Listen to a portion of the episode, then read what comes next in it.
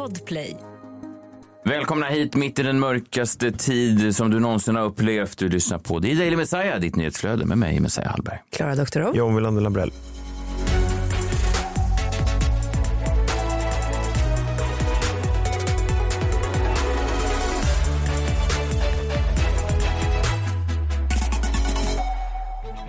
Mm, tisdag, mitt i den mörkaste tid du någonsin upplevt. Vad är, det är väl så här varje november? Ja, jag vet, jag vet. Jag bara, det bara slog mig här igår. Jag var inne på Konsum, heter det så ordförande? Konsum? Nej, det heter det inte. Nej, okej. Jag var inne där i alla fall och... Konsum. Vad tiden bara svischar förbi en. Det gör det, men det gör det. När slutade det, när slutade det heta Konsum? Var det länge sedan? För, för 30 år sedan. Jaha, okej. Ja, ja.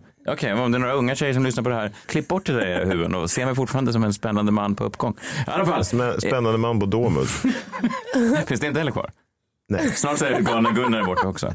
Men då, det, det vill två. Skitsamma, jag var inne där igår, jag bara kände att jag ville liksom eh, krypa i mitt eget skinn. Jag tycker man kommer ofta till den tiden då, god morgon förresten då, ha en härlig morgon. Så här gör de inte i andra morgonprogram. Jag har inte sett de jävlarna inne på Energy stå och säga att det är tiden man vill krypa ur sitt eget skinn. De är alltid lite, ibland undrar jag om de skrattar fast det inte är roligt. Ja, Jag lyssnar någon gång, jag undrar. Lyssnarna kanske känner så. Ja, verkligen möjligt. Nej, det gör de verkligen inte. Verkligen inte Jan. Skämmes. I alla fall, jag kände bara att jag inte ville, kan inte känna det ibland, att man inte vill träffa eh, folks eh, blickar eller ögon. Alla barn är som att de kan se in i ens själ. Det är den här tiden på året där man bara vill, man vill stänga in sig som en björn och så vill man eh, få hem såna här eh, matleveranser som du jobbar med John. Och, och att allt ska komma då. Och så behöver man inte träffa någon utan de ställer matlådan där utanför i... Kontaktfri leverans. Ja, ja Trycker- precis. Trycker, ja, man, precis. trycker man i bara. Ja, och så man vill knappt träffa, familjen kan jag träffa, men det är nästan inga vänner. Eller, jag vill bara, ja, ja, Fast vill du träffa eh, alltså, bud i maj? Ja, i maj då skakar jag hand. Då är det kindpuss. Ja. Kindpuss med ditt Foodora-bud. Kanske blir kindpuss även eh, idag när framtidsmannen eh, kommer hit. Han är hela vägen från, eh, ja, från framtiden. Då. Och då vill man ju hälsa ståtligt. Så vad har vi mer idag? Vi har, vi har ett öppet brev från Klara Doktorow och sen ska jag prata lite om, på tal om framtidsmannen, jag ska prata om norrlänningar i Robinson. Har ni sett något av Robinson i år förresten? Nej, inte en sekund, men det är en ny programledare. Oj, oj, oj, hon är kanon. Jag vet inte vad hon heter, men hon är kanon.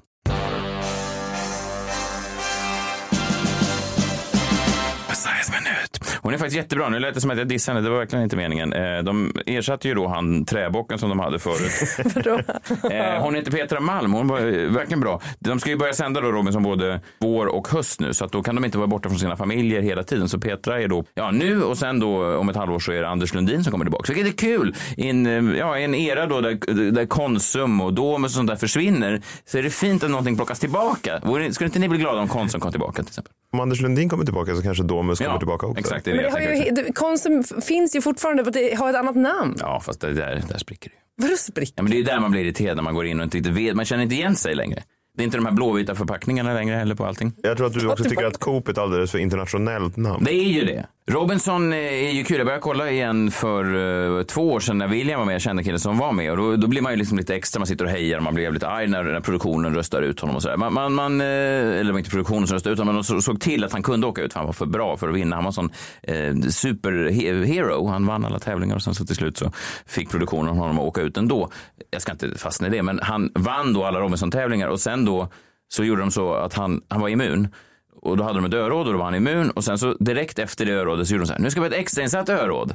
Och då var hans immunitet då borta den gången. Så då kunde de rösta ut honom.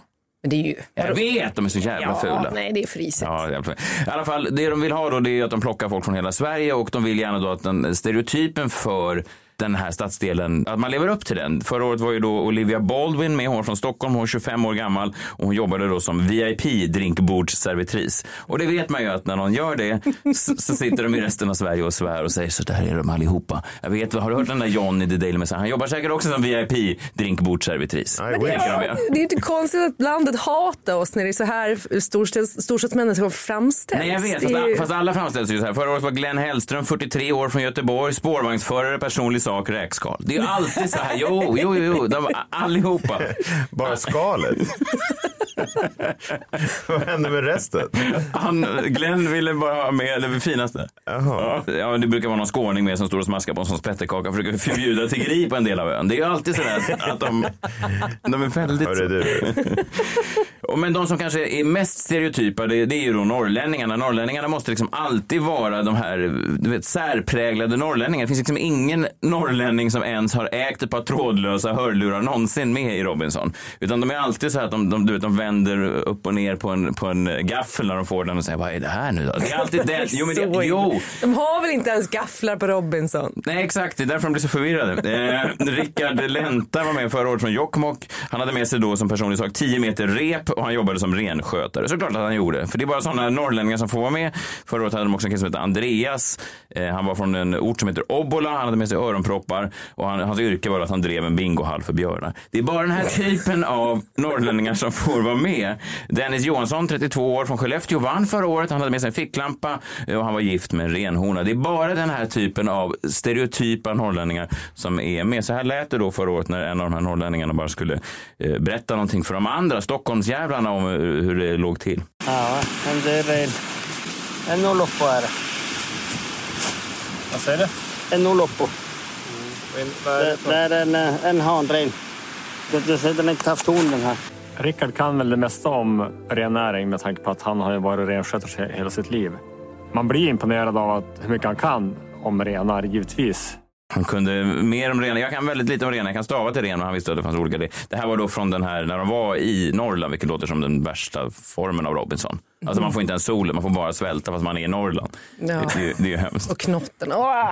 I år då så är det med en eh, älskvärd man som heter Lars-Olof, han kallas LO och han har ju då, eh, ja men han passar in på alla de här norrländska stereotyperna. Framförallt så är det väl talet och kanske förmågan. Han, han är ju skärpt, han är kvick, han är en jäkla intelligent kille. Det är bara att det tar sån tid för honom att komma fram till sak. Och det här är ett problem tror jag som de har märkt i produktionen för det, här, det slår aldrig fel. Varje gång någon ger honom ordet, de gör, de gör det inte så ofta, men varje gång då programledaren råkar ge honom ordet, ställa en fråga till honom, så ser man då i programledaren Petras ögon att fan också, nu måste vi gå till antingen reklam eller till slutvinjett för att de hinner inte, jag vet inte om att de inte kommit runt det här i klippningen, men de hinner liksom inte med någonting annat i programmet. Vi kan lyssna en gång bara när Lars-Olof här får en fråga. Det är fan sjukt. Lars-Olof, hur känner du? hamnade vi i ett råd så hade jag räknat med att jag skulle få rösterna. Så att jag har väl som förberett, men samtidigt det här gör ju en lite mer glädje inom mig att det är ett par chanser att hålla sig kvar. Men det är så det ser ut i det här laget. Så att det är inga konstigheter. Varenda gång så är det...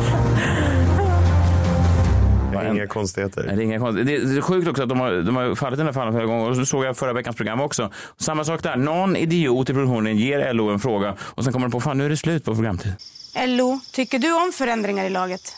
Ja, det gör jag väl. Jag, jag har ju legat på den sidan så att jag har haft stor chans att åka ut.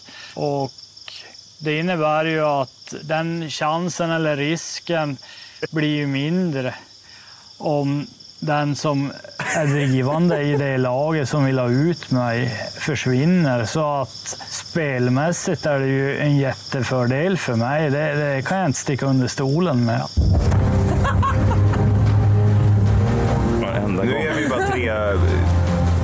Vi sitter och skrattar åt norrlänningar. Nej, händer- verkligen jo, inte. Jag, jo, det är nej, det jag skrattar gör. åt produktionen som inte kan komma runt här i klippningen. Att de, att, att, de- att, de- och sen också lite, tycker jag, lite i, i castingen. Alltså, de måste ju kunna skicka in nästa år lite norrlänningar som har en lite mer så, mm, mm, mm. Alltså det är fint att det finns den här typen av norrlänningar också, men det vet vi ju om att de finns. Men han var väl den som var mest mm, mm, mm, av alla norrlänningar som sökte antagligen. Det där är fördomsfullt. Och det vill jag, om det är någonting jag vill att den här minuten inte ska vara, så är det fördomsfullt.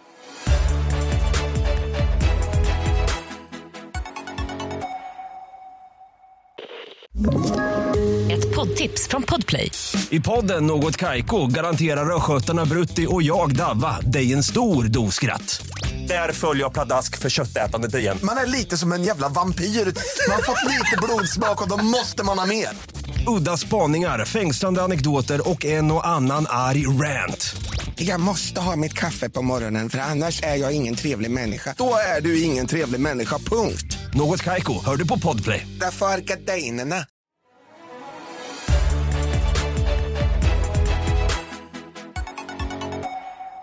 Klara Doktorov, innan Framtidsmannen är här, har du skrivit ett öppet brev idag?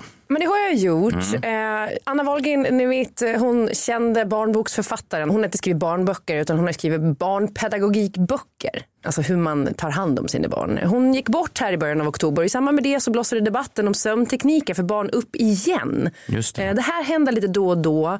Men ja, debatten då, det handlar ju alltså antingen om att samsova, det vill säga att man sover tillsammans med sitt barn. Vilket innebär då att man är låst i sängen från typ 18 till 06. Eller då att sömnträna barnet, som Anna Wahlgren har ju förespråkat. Och det Är, är, är det inte att hon har, nu ska jag verkligen inte mansplaina Anna Wahlgrens bebis, jag har i och för sig gjort det bara själv. Jag använder faktiskt man, jag vet inte om, jag, om det var bra, men hennes metod är väl att man ska låta dem, att man inte ska komma direkt när de skriker. Nej, det är fel. Är det fel? Ja, det är inte Anna Wahlgrens metod. Vems metod är det här då? Det var en kille som tipsade mig om det på bussen. Ja, det är typ fem, minuters, fem minuters metoden. Men det här har jag skrivit ett brev om. Okej. Eh, för att eh, alternativet då är ju att, att som Anna Dahlgren eh, tips om, eh, träna barnet att somna själv i egen säng och att sängen liksom är trygg utan att en vuxen kropp ligger bredvid. I och med att det är så mycket förvirring nu eh, och så många tyckare så blir det ett öppet brev till alla föräldrar som undrar hur fan de ska få sina barn att sova. Kära förälder. Jag läste Anna Wagens bok Sova hela natten när min första barn föddes för tio år sedan. Och först och främst måste jag säga att många som har en åsikt om hennes metoder inte verkar ha läst hennes böcker. Typ du Messiah. Har du läst den John? Du kanske borde. Sova hela natten med Använd- bebis? Använder Sova hela natten på dig själv. Nej, men jag läste en bok som heter Sova hela natten. Sova hela natten och så extra edition med några extra kapitel efter hur man Vuxen tar det hela, hur man tar det hela dygnet. Sova hela natten själv. Nu är ni Men upplaga. är det då Johanna som boffar dig? För det har ju Anna Wahlgren som metod. Att man ska boffa på rumpan så här. Boff, boff, boff. Och så Nej, skatt. om. Sov så gott. Ja, skitsamma. Tillbaka till brevet. Forskning visar att barn som lämnas att skrika i ensamhet i högre utsträckning drabbas av depressioner och psykiska problem som vuxna. Men Anna Wahlgren har aldrig rekommenderat en skrikmetod, till exempel femminutersmetoden. Det är en allmän missuppfattning och jag skulle nog vilja påstå det rakt motsatta. Hon har återkommande sagt följande, citat. Jag betraktar ett barns skrik som en fråga som ska ha svar på en gång. Och jag håller med Anna Wahlgren här. Jag har tränat alla mina barn att vara trygga med att somna i egen säng. Och det gör man genom att möta barnets behov snabbt så fort de visar tecken på oro. Men inget barn far illa av att somna och sova i en egen säng. Så länge man inte lämnar dem att skrika. Däremot finns det otroligt mycket forskning som visar att samsovning ökar risken för plötslig spädbarnsdöd och fallolyckor. Vill du som förälder ta den risken är det upp till dig. Men jag inser även något annat när jag följer den här debatten som blossar upp igen. Och det är en tydlig attitydförändring. Attityder som inte var lika framträdande när jag fick barn för tio år sedan och exakt alla höll på med Anna Wahlgrens sömnträning. 1. Man framställs som en barnahatande egoist om man inte vill ha sitt barn på kroppen dygnet runt. 2. Med man menar jag såklart kvinnan, modern, den som upphöjs till den enda riktiga anknytningspersonen. Och tre, för just ja, pappor kan ju inte amma. Och tydligen har amningshetsen blivit värre än någonsin. Jag kan inte tolka det här på något annat vis än att vi även inom föräldraskapet backar och går mot mer konservativa tider. Kvinnor ska liksom skjuta mjölk ur nassarna, ha sina bebisar i bärsjal dygnet runt samtidigt som de pyntar frukostmackor ser ut som Monet-målningar. Plockar ihop helbuketten utan hjälp av en utbildad florist och målar den perfekta eyelinern som matchas med ett rött läppstift från Chanel som kostar mer än en flygbiljett till Paris. Är det här fel menar du? Vad kallade du, det var något konstigt ord där. Nassarna?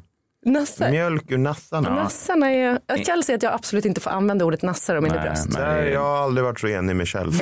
Nej, jag, jag blev ju en gång jag var i Berlin och så blev jag inbjuden av en sån här inkastare och gå på en klubb och få suga mjölk från nassarna. Och då gick jag in där och då satt det bara tre nationalsocialister och det var ju, nej, det var ingen rolig kväll för Det var någon. inte det du hade tänkt då? Verkligen inte. Ja, tillbaka till brevet i alla fall.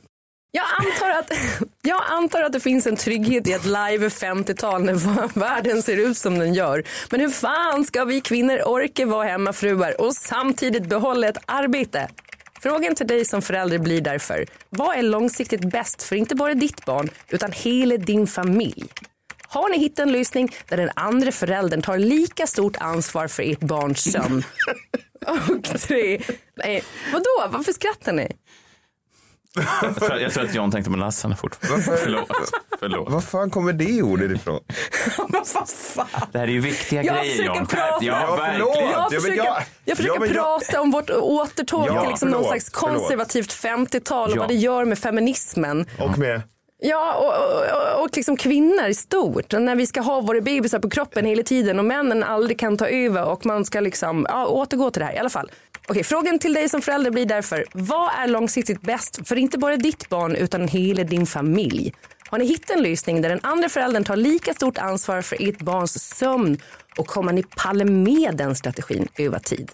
Om inte kan jag varmt rekommendera sovträning. Allt gott, Klara.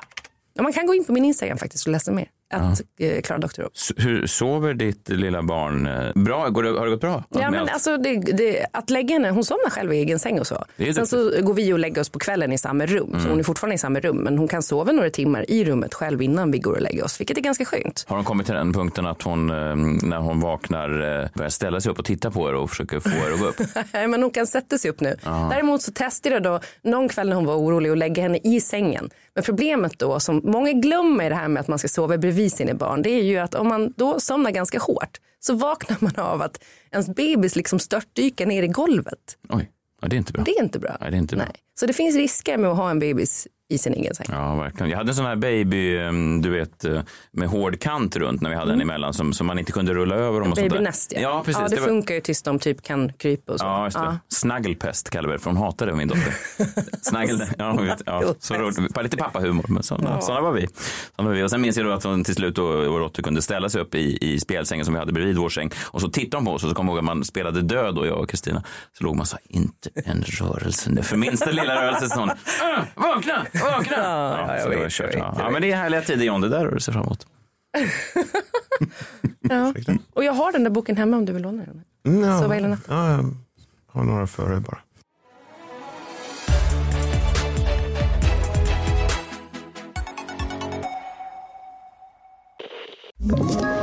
Ett poddtips från Podplay. I fallen jag aldrig glömmer djupdyker Hasse Aro i arbetet bakom några av Sveriges mest uppseendeväckande brottsutredningar. Går vi in med hemlig telefonavlyssning och, och då upplever vi att vi får en total förändring av hans beteende. Vad är det som händer nu? Vem är det som läcker? Och så säger han att jag är kriminell, jag har varit kriminell i hela mitt liv men att mörda ett barn, där går min gräns. Nya säsongen av Fallen jag aldrig glömmer på Podplay.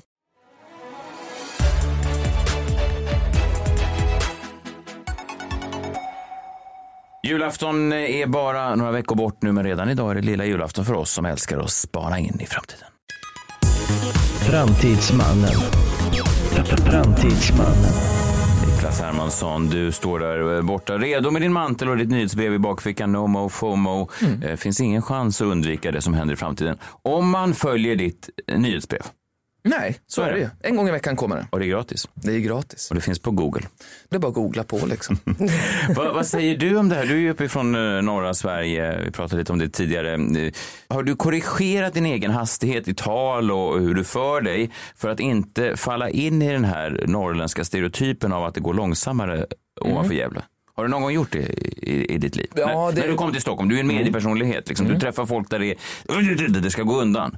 Ju- Tänkte du på det när du kom hit? Mm, men det, jag skulle snarare säga att det blivit tvärtom. Att när jag nu då har levt halva livet i Stockholm och sen så åker runt till städer som inte är Stockholm och så ska jag börja hålla på och kramas och pussas och det är ju det stora problemet. Mardröm. Ja men mardröm.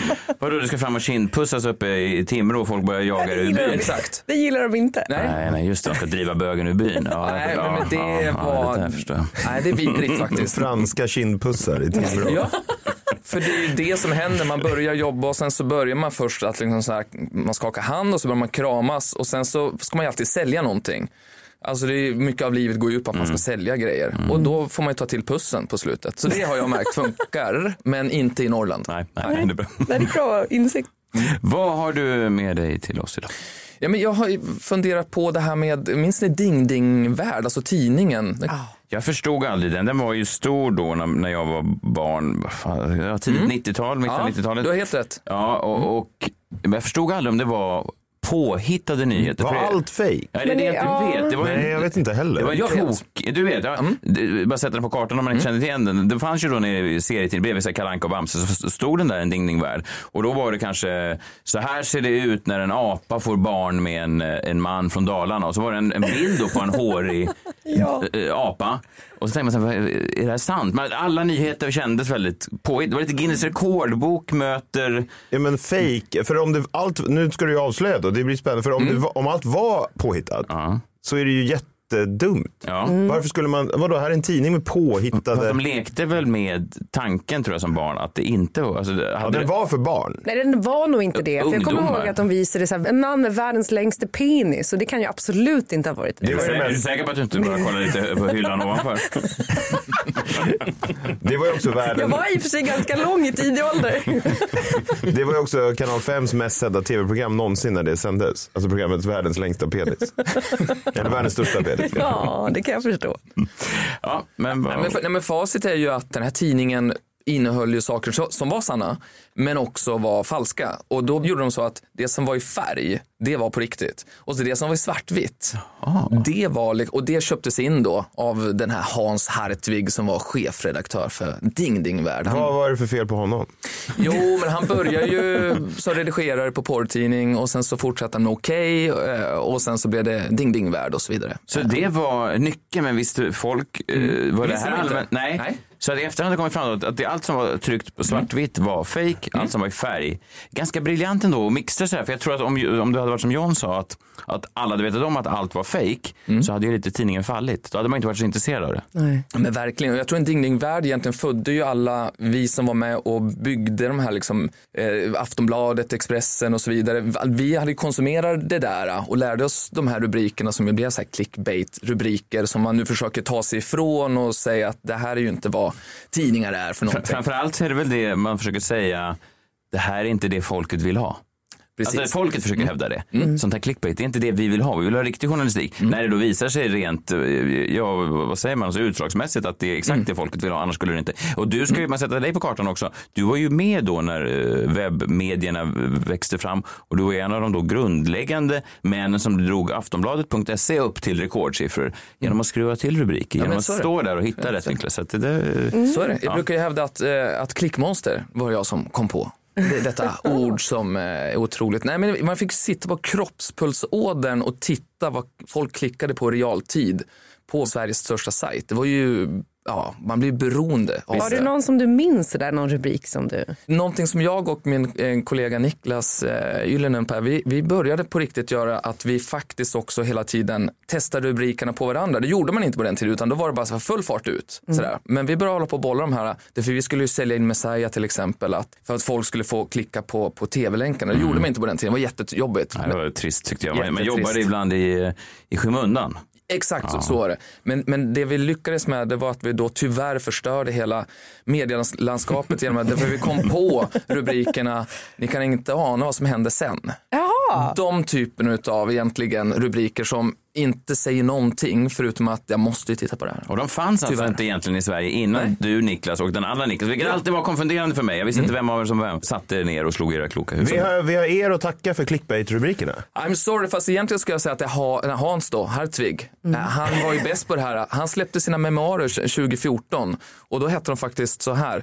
Miljardären som visste för mycket. Och då tror man ju att eh, han då var miljardär. Men det, det var ju, han hävdade att han hade någon så här, ja, kompisrelation till John Henry Sager som var då miljardär svensk. Eh, så så på, han har gjort det här alltid. Otrolig eh, karaktär, alltså Ja. då Hans Hartvig. Men, men, men det, det jag tänkte då, att vi kör lite ding-ding-värld idag. Jag har med mig lite sådana nyheter som skulle kunna platsa i det, fast utifrån mitt nomofomoraster. Så det är lite smartare än kanske ding-ding-värld. Just det. Och, och vi vet ju inte, då ska vi vara tydliga med för de som lyssnar, vad, du säger ju allting i färg. Så, så är det, exakt, precis. Ja. Du, du går inte ut och byter om varje gång och kommer in. Han, han är ju svartvitt klädd. Ja, det är han, fast Det är jag. det är väl ändå räknas som färg det tror jag ändå. Ja, kanske då.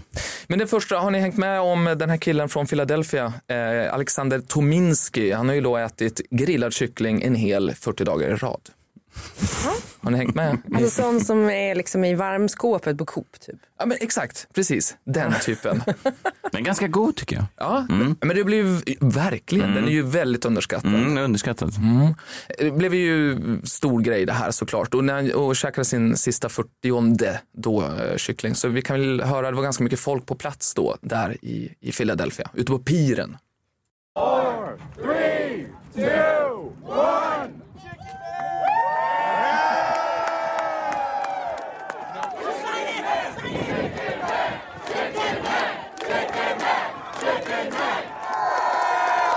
Vad kallar de Chicken man? Chicken man! Det är ju glåpord nästan. Ja. Men får man inte typ njursten eller sån här urinsten när man äter så otroligt mycket protein? Ja, men alltså, det, det där är ju någonting, för jag själv har hållit på mycket med att experimentera med, med mat. Till exempel åt jag sex råägg i- till frukost på riktigt då i fem år. Och det tyckte ju folk alltid var jättekonstigt, för då är det så här kolesterol och, och grejer. Jag orkar inte lägga tid på sånt där, det är bara att köra tänker jag. Ja, Fast du vill ända ändå, tills man hamnar på akuten. Så är det, och det har inte hänt än. Nej, nej, du vill ändå nämna det ibland när du träffar nytt folk. Det tycker jag är tydligen jätteviktigt att berätta om den här jävla råäggen. Men du, har du inte spoilat nu om vi ska, om vi ska säga om det här är sant eller inte? För, eller, Mm. eller, Nej, alltså grejen så här med, med, med att det är sant eller falskt. Det var inte det som var tävlingen utan det är mer att jag har hittat ding-ding-nyheter. Okej, Så. så. okej. så det här med sant och falskt, det stryker vi egentligen? Det stryker vi. Det stryker vi. Mm. Okej, så det här är mer ding-ding. Det är ding, sant. ding, ding, det är ding, sant. Ding, ding, sant. Det, det här är det är 100% sant. Och Det är det. Allt är i färg. Allt är i färg. Och det som hände då med den här killen Alexander när han åt det här i 40 dagar. Det var ju, ja han mådde ju inte bra. Han gick ner 7 kilo faktiskt eh, på, att- på att äta på det här sättet. Det ju hur han åt innan. Ja, det kan man ju. Eller hur? Hur såg Ja. dieten ut innan kycklingdieten? Det, det är sånt där vet man får man aldrig Nej, svar på. nej, nej. Däremot så gick han från 400 till 40 000 följare på Twitter. Så vill man ha fler följare på Twitter av någon anledning så, så är väl det här någonting man kan kopiera då. Kyckling. Mm. Mm. En annan liten snabb ding-ding här då. Antalet vilda djur har minskat med 69 procent på mindre än 50 år. Det är sjukt. Ja. Och vad, är det för att vi skjuter av dem? Nej, det är för att vi, Klimatförändringar. vi, Klimatförändring? Det stora är att vi vill hålla på och göra jordbruk där det egentligen är djur som bor då, Ja. och ska bo. Man tar deras... Det är väl därför Mm. de också håller på nu och tjatar om alla de här våtmarkerna som vi ska liksom eh, lämna orörda i Sverige och så vidare. Så djurlivet får vara kvar. Just det. Mm. Men om vi ska vara ärliga, är det något av de här djuren som har försvunnit som någon saknar? Det är också en rimlig fråga. Det är ju det SD hävdar, att så här, vad är problemet? Vad behöver vi dem till? Nej, det, jag, jag, jag vill inte vara en sån idiot. Men jag menar bara, är det någon som går runt där nu och, och liksom letar efter en vithövdad tofsripa? Det vet man inte. Nej, men förmodligen inte. Nej, förmodligen inte. Och, och, och när själva nomofomofiltret som kommer, och det gäller att hitta någonting positivt i det där. Då ska man komma ihåg att nästan 90 procent av alla djur som väntas finnas här runt om, både under vatten och, och liksom på, på jord, de har inte vi hittat än. Så det är, liksom, det är ju mer, vi måste lägga mer till på att hitta de här djuren tycker jag. Ja, fast inte det är också skitdjur, tänker man. Alltså om det är Så några jättesmå, Ja, liksom. små och obetydliga. Djurpassfiskar med sånt där. skitful. Ja, verkligen. Ja, det- verkligen. Man har svårt att tro att det finns någon majestätisk som springer runt där ute. Enhörningar. Att vi, inte har hittat dem. Ja. Ja, Men ja, det enda vi måste tänka på är väl att, att om man börjar fucka med ekosystemet så kan det ju få konsekvenser sen för vår egen eh, liksom, föda. Så att, eh, ja, jag vet inte. Det är, alltså, det är inte bara att vi inte bryr oss så mycket om den vithövdade tofsripan utan den kanske har en funktion för resten. ja, det är möjligt. det här då? T-rex? De här, små de här små armarna då? De Va- korta va- små ja, armarna ja, som sitter på ja, bröstet på ja. T-rexen. Så man undrar, hur kan du ens öppna en dörr med dem där? Säger exakt. Ja. Frågan är, vad säger forskarna egentligen om det? Varför fanns de ens, de här armarna? Just det, de, de såg ut som små, eh, nästan sketchhänder. Ja, exakt. Ja. Men vad, det känns inte som att det är någonting sånt där evolutionärt som var på väg bort. Att den egentligen inte behövde de där små armarna. Om den hade varit 20 år till så hade det varit Ja. borta. Ja. Men det, det, det är faktiskt helt sant. Alltså det som hade hänt ifall de hade då inte blivit utrotade där, då, det var ju att de hade ramlat av de där armarna till slut. Det är vad man Vadå, vet. var det sketchhänder? Att de bara Ja. satt fast på varsin pinne? Ja, men sen, nej, men sen, så, sen finns det tre teorier vad, vad man faktiskt hade de här armarna Ja. till. Och det ena är ju att, eh, ja, de, de, alltså T-Rex-snubbarna hade det för att hålla fast kvinnorna när de hade sex. Nej. Har de inte hört talas Är det om rätt åt dem att de dog ut? Ja men Nej, verkligen. Ja, men vadå? T-Rex-svin. Våldtäktsdjur. Kan inte Ja. stämma. Det, du menar alltså att inte en enda av de här T-rexen hade kunnat vara med i årets Paradise?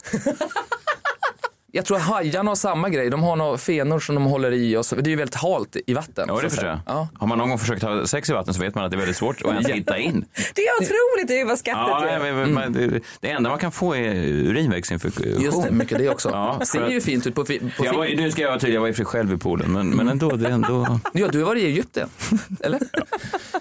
John ser ut som att han har gett upp livet nu. Det är en obehaglig bild bara. Han jag. knutit en mental snare nu. Tänker på den där vi, vi, poolen. vi måste fortsätta med T-rexen då, för att armarna, det ena var ju då att han eh, höll fast. Det andra är ju att när de sover då, måste ju ta sig upp. Så då är det ju då att de använder de här armarna som en liksom armhävning upp. Hur sov de då? Sittandes? Liggandes? Ja, det, jag har inte kommit så Nej, djupt än. nej. Utan det får vi, men, men däremot så är det på riktigt en Kan du teori. inte illustrera det då? Visa här i studion om du ska ta dig upp. det och här så ingår gör väl inte i hans underbetalda kontrakt att han ska ligga på golvet och men det är, ju- alltså, jag, kräla? jag gör allt som hon säger. Ja. Då det, väl liksom, ja, men det måste vara någon sån här att man ligger ner och så har du ingen- jättesmå... Ja, Kan du inte låta som en T-rex så att det blir mer realistiskt? Det gick inte. Nej. Ja, Skitsamma. Okej, det här var två. Nu har vi ettan, eh, fasthållningen under sex, tvåan är när de ska upp eh, för en... eh, sängen. Ja, för sängen. Exakt, Efter sex. Efter sex, Mm. exakt. Och tredje då, det, det var vapen. Det här var ju någonting som de på riktigt använde sig av. För vi tycker att de ser små ut. Men det är därför att de var ju så otroligt stora. Så deras armar var ju ändå mycket liksom starkare än våra armar. Så de kunde göra våld med dem. En rex-slap. Ja, så att de, de, kan, de är bara små i förhållande till den enorma massan runt omkring. Det är lite som att Johns ryggsäck egentligen är en normalstor ryggsäck bredvid min jättestora Samsonite. Exakt ja, så. Ja. Ja. ja, jag fattar. Otroligt. Vad fasen, eh, hade du fler ringding? Eller? Ja, för fan. Ja. Ja. Eh, VR-headset, den här är ju sjuk alltså. Den här medgrundaren till VR-headsetet Oculus, det är ju, Meta har ju köpt Oculus och så, ja, hur som helst, den här Har de snubben tagit bort Rift från namnet? Nej, men, det- åh, nej, och just det, man måste säga Rift där också. det Oculus Rift. Ja, det låter ju coolare. Ja, det håller jag med om faktiskt. Mm. Han jobbar ju inte där längre. Nu har han tagit fram ett par brillor som gör att ifall man dör i ett spel, om man har på sig brillorna, så dör man också på riktigt. Men, men, men vad då man dör på riktigt? Vadå, är det folk som, som istället för hospice då väljer att spela sig till döds? Ja, men alltså man spelar ett spel och när man dör i spelet så, så blir det typ så här rött blod och sen så då känner eh, headsetet av att okej, du dog, boom, smäller. Huvudet, eh, alltså, så det finns såna här liksom, eh, sprängladdningar i själva headsetet så att de gör att ja, huvudet, hjärnan dör. Så att ty- tyvärr. Vadå, det blir som en eh, liksom, rysk roulette fast i gamingvärlden. Ja, Det höjer ju det. stakesen lite grann. Det blir ju mer spännande att spela. Usch, Verkligen. Jag fick magen. Jo, verkligen. Fifa-matchen får ju en helt ny innebörd. Ver- Ja. Kan det, funkar det på Fifa också? Alltså fan, det blir straff. Det borde, ja, exakt. Död. Ja, rött kort. Kan man ångra sig att ta av sig glasögonen innan de sätter igång? Eller är, är den fastskruvad Ja, med... det är nästa grej då, att skruva fast den såklart. För nu, och nu hänger den faktiskt bara på, på hans vägg som konst. För att han vill ju såklart inte bli den som tog fram ett sådana briller som någon faktiskt dog av. Men det här fick mig att tänka på, kommer ni ihåg den här uh, The Blue Whale? Det var ett självmordsspel som var stort för några år sedan. Nej. Där var det ju ett helt liksom, nätverk med administratörer då som, väntade, som gav ut uppdrag till oss som ville vara med i det här spelet och då började jag så här kolla på den här skräckfilmen och, och så vidare. Och sen slutade det med att man skulle ta sitt liv då. Och det här då skulle ha lett till ett hundratal eh, självmord bland tonåringar. Det började i Ryssland. Ehm, Och sen Timrå. Och sen... och så fortsatte det vidare. Och sen var det en hjärna där då, en, en 21-årig ryss som, som sa att det var han som låg bakom det här. Han åtalades och han dömdes för att han också då hade, liksom, låg bakom att det var ett tiotal eh, tonåringar som hade tagit livet av sig. Tre års fängelse fick han. Han ville liksom rensa världen på sånt svaga människor. Ah, det är alltid någon ryss där. Man, om man sett mycket Bondfilmer så vet man att det är ofta en ryss bakom. Eller ja, i, världen, världen nu också. Så. Det låter ju otroligt mycket som ett eh, Black Mirror-avsnitt. Mm, verkligen. Och sen så ska vi säga så här att det, ifall det här var sant eller inte, att det var ett hundratal, det finns inte riktigt något belägg för det. Däremot, den här killen åkte in. Ja. Ifall det säger att han faktiskt gjorde det här, det säger det inte riktigt heller. Så att eh, den här svävar. Det Den blir- här, du slutade din ding-ding-spaning lite mellan färg och svart precis som du började. Snyggt, så där jobbar ett proffs. Det där är fan otroligt. Du är den nya Hans Hartvig. Ja, äntligen! Sätt det på CV och gör en clickbait-rubrik på det så är du hemma. Eh, välkommen tillbaka nästa vecka. Då är vi ännu närmare jul, men din säck är fortfarande lika välfylld. Med vad? Otroligt. Man- Samma grej som ligga i poolen. Ja, Man skulle även kunna säga det till dig Johnny. Det var roligt. Jag la ut ett klipp på min Instagram här för några dagar sedan. Det var, en, eh, Var det roligt verkligen? det här var roligt. Det var då en, en elefant. Visste du det? För, för bebisar när de föds, de kan ju inte, de först, kan inte kontrollera sina händer. Så de ligger och tittar på sina händer och förstår inte att de själva styr dem. Vad är det här för något? Så. Och samma sak då med elefanter. Hela första året så är elefantbebisar, eh, de förstår inte sin eh, snabel. Så jag la upp ett klipp då där de bara står och slänger med sin snabel förstår inte vad är, vad är det här som är framför mina ögon. Liksom. Och det var så roligt, då var det någon som svarade på det. Eh, Och det här var ju verkligen sant. Det hade inte slagit mig alls. Det var en Elsa Hildebrandt hade svarat då. Så där måste ju John ha sett ut med sin jombola i början. Väldigt bra. Vi lägger ut den på vår Instagram. Det är verkligen så. Du måste stått och vad är det här för något? Ja, väldigt roligt. Väldigt, väldigt roligt. Vi är tillbaka imorgon. Du ser inte road ut, men vi, ja, vi är tillbaka imorgon i alla fall. Fel på Elsa Hildenbrand. Hon är riktigt bra faktiskt. Riktigt bra tjej. Vi hörs imorgon då. Ta hand om er. Hej, hej. Hej! Hej. Nu kan du hantera mig. Men Ja, då. men ändå.